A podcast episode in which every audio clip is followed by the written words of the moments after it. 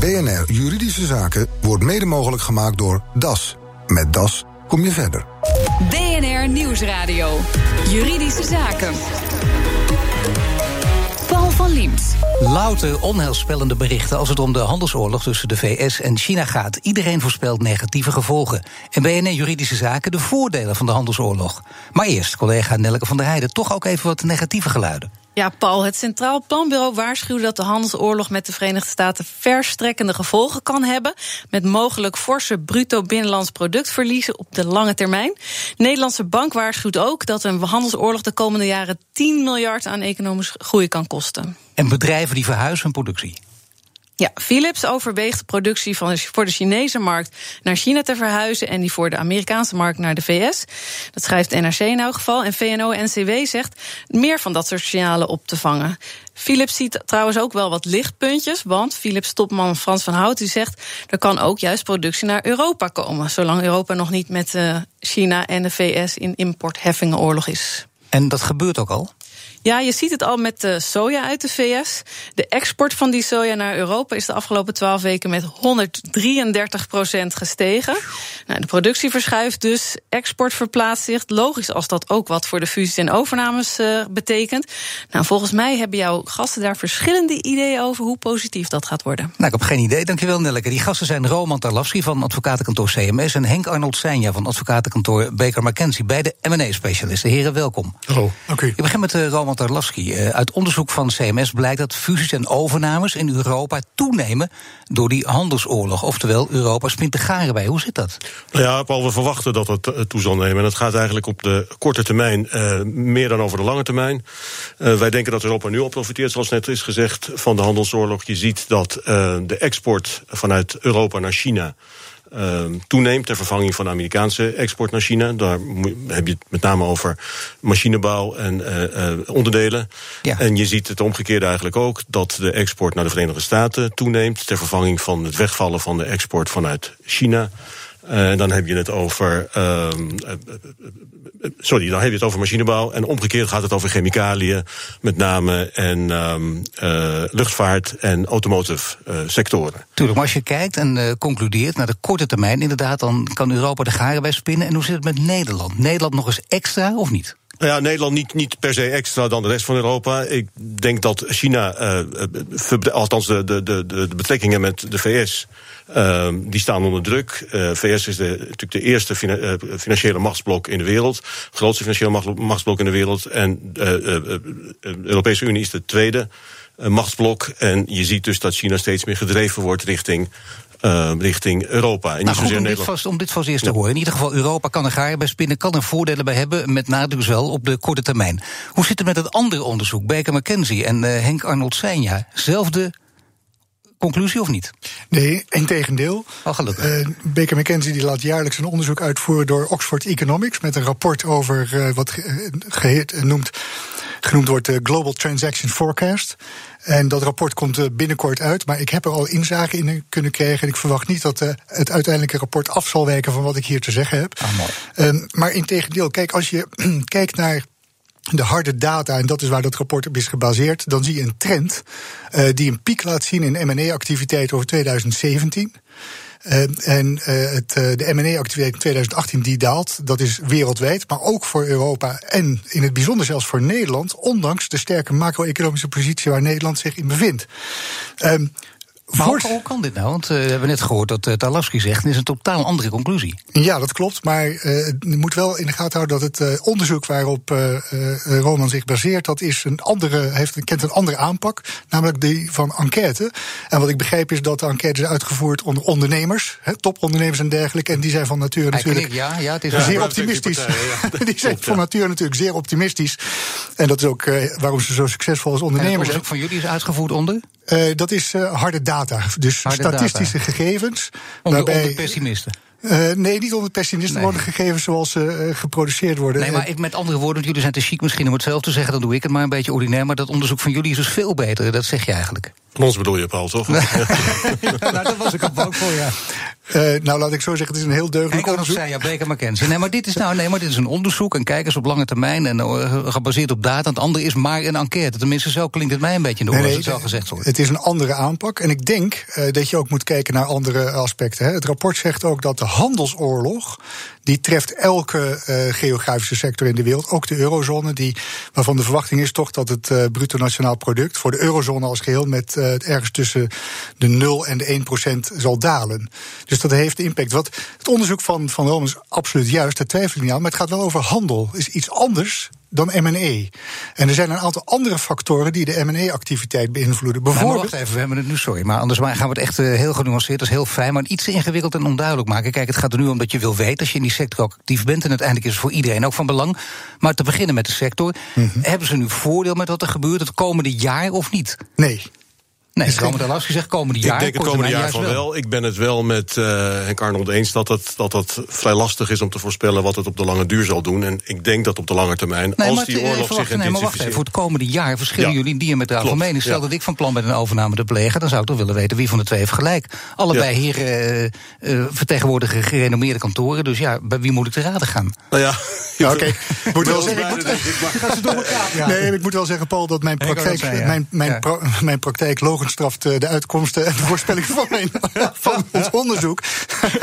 maar ik zou sowieso als ondernemer nooit een M&A-beslissing uitsluitend op, uh, op, het, uh, op, op de handelsoorlog baseren. Want er zijn veel meer en ja. in mijn optiek belangrijkere factoren. Ja, maar dat is ook niet, niet op basis van het programma Juridische Zaken op BNR. Dat vind ik wel jammer. Dat, nou ja, op zich, op zich, op zich is dat, op zich is, laat het zich niet, nou, het laat zich niet loszien van andere factoren. Ik denk dat, dat Henk Arnold daarin gelijk heeft. Ik denk dat we niet moeten vergeten dat de rente ontzettend laag staat en dat al jaren doet. Ik denk dat we niet moeten vergeten nee. dat de financieringscondities uh, al jaren optimaal zijn en steeds beter worden eigenlijk.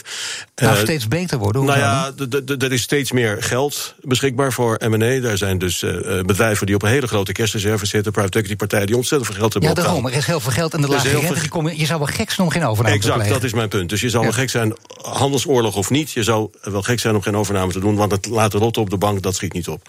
Nou ja, dat ik is... moet eerlijk eventjes naar Henk Arnold weer. Henk Arnold zei, ja, ja, dat lijkt inderdaad, als je de, deze factoren bij elkaar op, dan denk je, tuurlijk, je bent gek om het niet te doen. Ja, nou dat is. Uh, Geld voor handen lage rente. Ja, dat is, dat, is nu, dat, is, dat is nu zo, maar de, de, de, de Fed en ook de ECB heeft kort geleden een, uh, een kentering aangekondigd in de interest rates. En sterker nog, de Fed die is, al, is al aan het verhogen. Maar het allemaal eens hoor, met, met wat Roman zegt. Maar er zijn andere factoren. Dat is toch die handelsoorlog, maar ook dat protectionisme. Uh, de Verenigde ja. Staten heeft uh, CFIUS aangescherpt, wat dus overnames in de VS uh, uh, bemoeilijkt. Even voor de duidelijkheid, dat iedereen weet wat het over gaat. Nou, CFIUS is een speciale commissie van het congres dat overnames beoordeelt op, hun, op de strategische importantie voor de, voor de Verenigde Staten. Met andere ja. woorden, even heel plat gezegd, is een Chinese overname van een technologiebedrijf in de VS wel zo goed voor ons land? He, daar komt het ja. in feite op neer.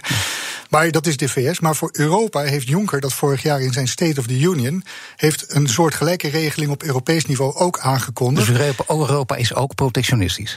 Zit eraan te komen, zeg ik wel bij dat uh, in september uh, van, van dit jaar Europa ook een China, een Chinees Europees investeringsfonds heeft aangekondigd. Dus dat pleit dan weer voor toenemende M&A-activiteit.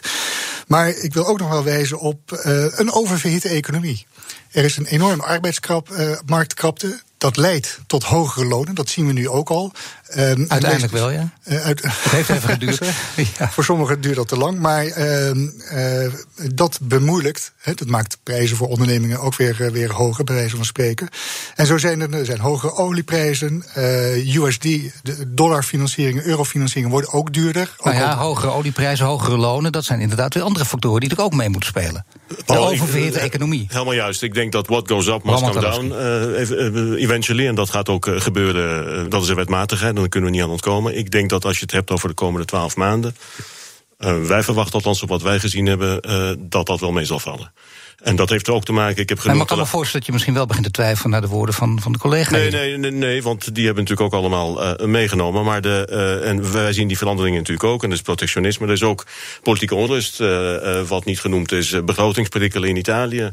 Um, andere crisis die, die, die zomaar kunnen ontstaan. Die effect hebben natuurlijk op gedrag van beleggers en investeerders. En, en, en die, ja, maar het gaat erom dat je tenminste, tenminste liever nog langer, maar tenminste één jaar vooruit wil kunnen nou ja, kijken. En, als en je dat ziet doen, dat dat op dit gebied zelfs al wel heel lastig is, hoewel het geld klopt tegen de plint aan, om het Exact. cliché maar even eruit te gooien. Dus Exact. ja, geef het maar uit. Dus Aan overnames. als we het even samenvatten, we hebben een verbeterde relatie met China als gevolg van de handelsoorlog, althans op korte termijn. We hebben een lage rente en grote hoeveelheden cash die een eigenaar zoeken.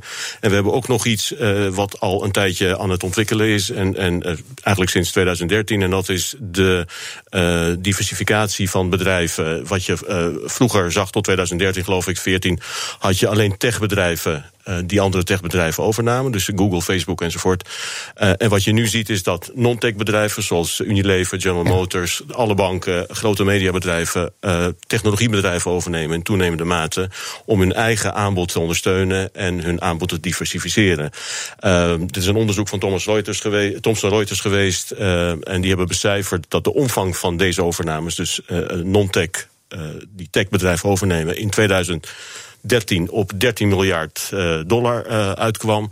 Drie jaar later was het maar liefst onder de 28 miljard dollar. Dus je ziet dat er een verschuiving is eh, vanuit non-tech naar tech. En dat stuurt overnames. Straks, de handelsoorlog tussen China en Amerika heeft invloed op Europese overnames. Maar wat als Europa zelf bij de handelsoorlog betrokken raakt? BNR Nieuwsradio. BNR Juridische Zaken. Er is veel dynamiek, er wordt snel doorverkocht en dat houdt nog wel even aan. Dat voorspelt mijn ene gast. De trend is daling en die zet ook volgend jaar nog door, zegt de ander. Twee toppers op het gebied van fusies en overnames. Henk Arnold Seinja van Baker McKenzie en Roman Tarlavski van CMS. Ja, heren, ik zag jullie bij het woord toppers eh, eendrachtig knikken. Dus-. Ja, ik wou, oh, opveren. dat, is een beetje neergeslagen, maar ze veren weer op.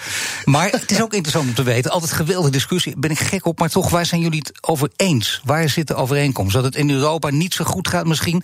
Pik ik er maar even uit of ze allemaal denken? Nee, ik, ik, als ik, dat, als ik die vraag als eerste mag beantwoorden. Ik denk dat we het erover eens zijn dat eh, wat hè, wat eh, what comes up must come down. Maar ook de, de andere kant op. Dus what comes down must go up. En eh, dus als je kijkt van waar zijn we het over eens. Nou ja, eh, Ron en het, het, eh, en het rapport dat wijst op de korte termijn. Nou, daarin wijkt ons rapport af. eh, dat is evident, dat hebben we duidelijk gemaakt. Maar ook in ons onderzoek zien we weer een opgaande trend vanaf 2020. Dus eh, in die zin eh, is het, eh, ik denk dat we het daarover eens zijn. Het is ook een beetje conjunctuurgevoelig. Maar, Maar op dit dit- moment zitten we in een hele onzekere situatie. Natuurlijk, maar dan nog, je zou kunnen zeggen, als we alle continenten, de, de continenten waar we nu over hebben, Europa, laten we zeggen, als we even vergelijken Europa, China en Amerika, dan staat Europa toch komende op korte termijn het beste voor. Nou, ben ik ook niet Op geheel het met gebied van de handelsoorlog. Nou, Nou, het is geen stelling, het is een vraag. Ja, nee, dat is. Kijk, Europa heeft ook zijn eigen issues die natuurlijk nog moeten worden opgelost. En ik noem er even twee die relevant zijn in dit, eh, in dit kader. En dat is natuurlijk. eh, nou, laten we beginnen met Italië. Eh, we hebben de, de kop in het FD van vanochtend gezien. over, Brussel over mag zwaar gevecht met Italiaanse Ja, populisten. hè, dus als gevolg van die, dat begrotingstekort, wat wordt geschat voor, op 2,4 procent, terwijl dat dus veel lager zou moeten zijn volgens Brussel, bij een staatsschuld die op dit moment al 130 procent van het bruto binnenlands product eh, is. eh, er moeten wat vlekjes worden weggewerkt in Europa. Eén is Italië. Wat is twee? ja, en twee is, eh, ja, dat is het B-woord, dat is Brexit. Hè, waar nog steeds geen deal op is. En dat kan, daar zeg ik wel bij, dat kan, een harde Brexit, no deal, dat kan voor sommige sectoren voordelen hebben. Misschien wel voor de financiële sector, omdat er dan toch vestigingen in Europa moeten worden ge, ehm, eh, neergezet. Maar aan de andere kant, voor andere sectoren, met name handelsbedrijven, exportbedrijven, kan het weer heel nadelig zijn. Oké, er speelt in Europa natuurlijk ook nog eh, Oost-Europa. Wat daar allemaal aan de hand is. Ja. En natuurlijk ook eh, Duitsland. Wat gebeurde met Merkel. De verhouding tussen Duitsland en Frankrijk. Allemaal redenen voor onrust. En toch maar denken dat ze goed gaat met Europa. Nou ja, ik, ik denk, dat, ik denk dat, dat er natuurlijk heel wat problemen zijn in Europa, maar ook problemen geweest zijn in Europa. En als je kijkt eh, eh, naar de laatste vijf, zes jaar, we maken een ongelofelijke eh, rit mee qua eh, bedrijvigheid in, in, in eh, fusies en overnames. En in al die jaren hebben we natuurlijk heel wat crisis eh, meegemaakt. Ik eh, wil attenderen op Griekenland, op de eurocrisis, vluchtelingencrisis en zo zijn er nog een paar de revue gepasseerd. En die hebben gezorgd voor tijdelijke dipjes, if at all.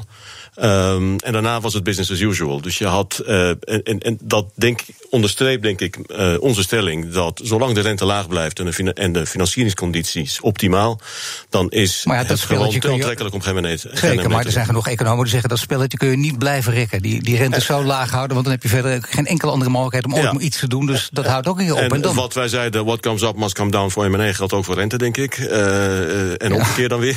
dat gaat er weer een keer omhoog. Mooie zin ook. hè? Precies, dat is Ja. een mooie zin. Een mooi liedje ook. Maar dat, dat, is, dat is denk ik dat is helemaal waar. Maar als we het hebben over de komende twaalf maanden, dan zien we het wat minder somber in dan, uh, dan of zelfs positiever dan Baker Ja, maar vanwege die positieve ondernemers die jullie geënquêteerd hebben, of heeft dat er even weer niets mee te maken? Dat geldt voor jullie allebei. Dus. Nou, we hebben er 230 gesproken. Ik weet niet of ze alle 230 even positief waren, maar ik neem aan dat dat, dat, dat wel overwogen. Uh, Mag ik er eentje uitpikken? Want in de opsomming die, die net gemaakt werd door Henk Arnold, je, je, ging even overheen bij het woord Brexit.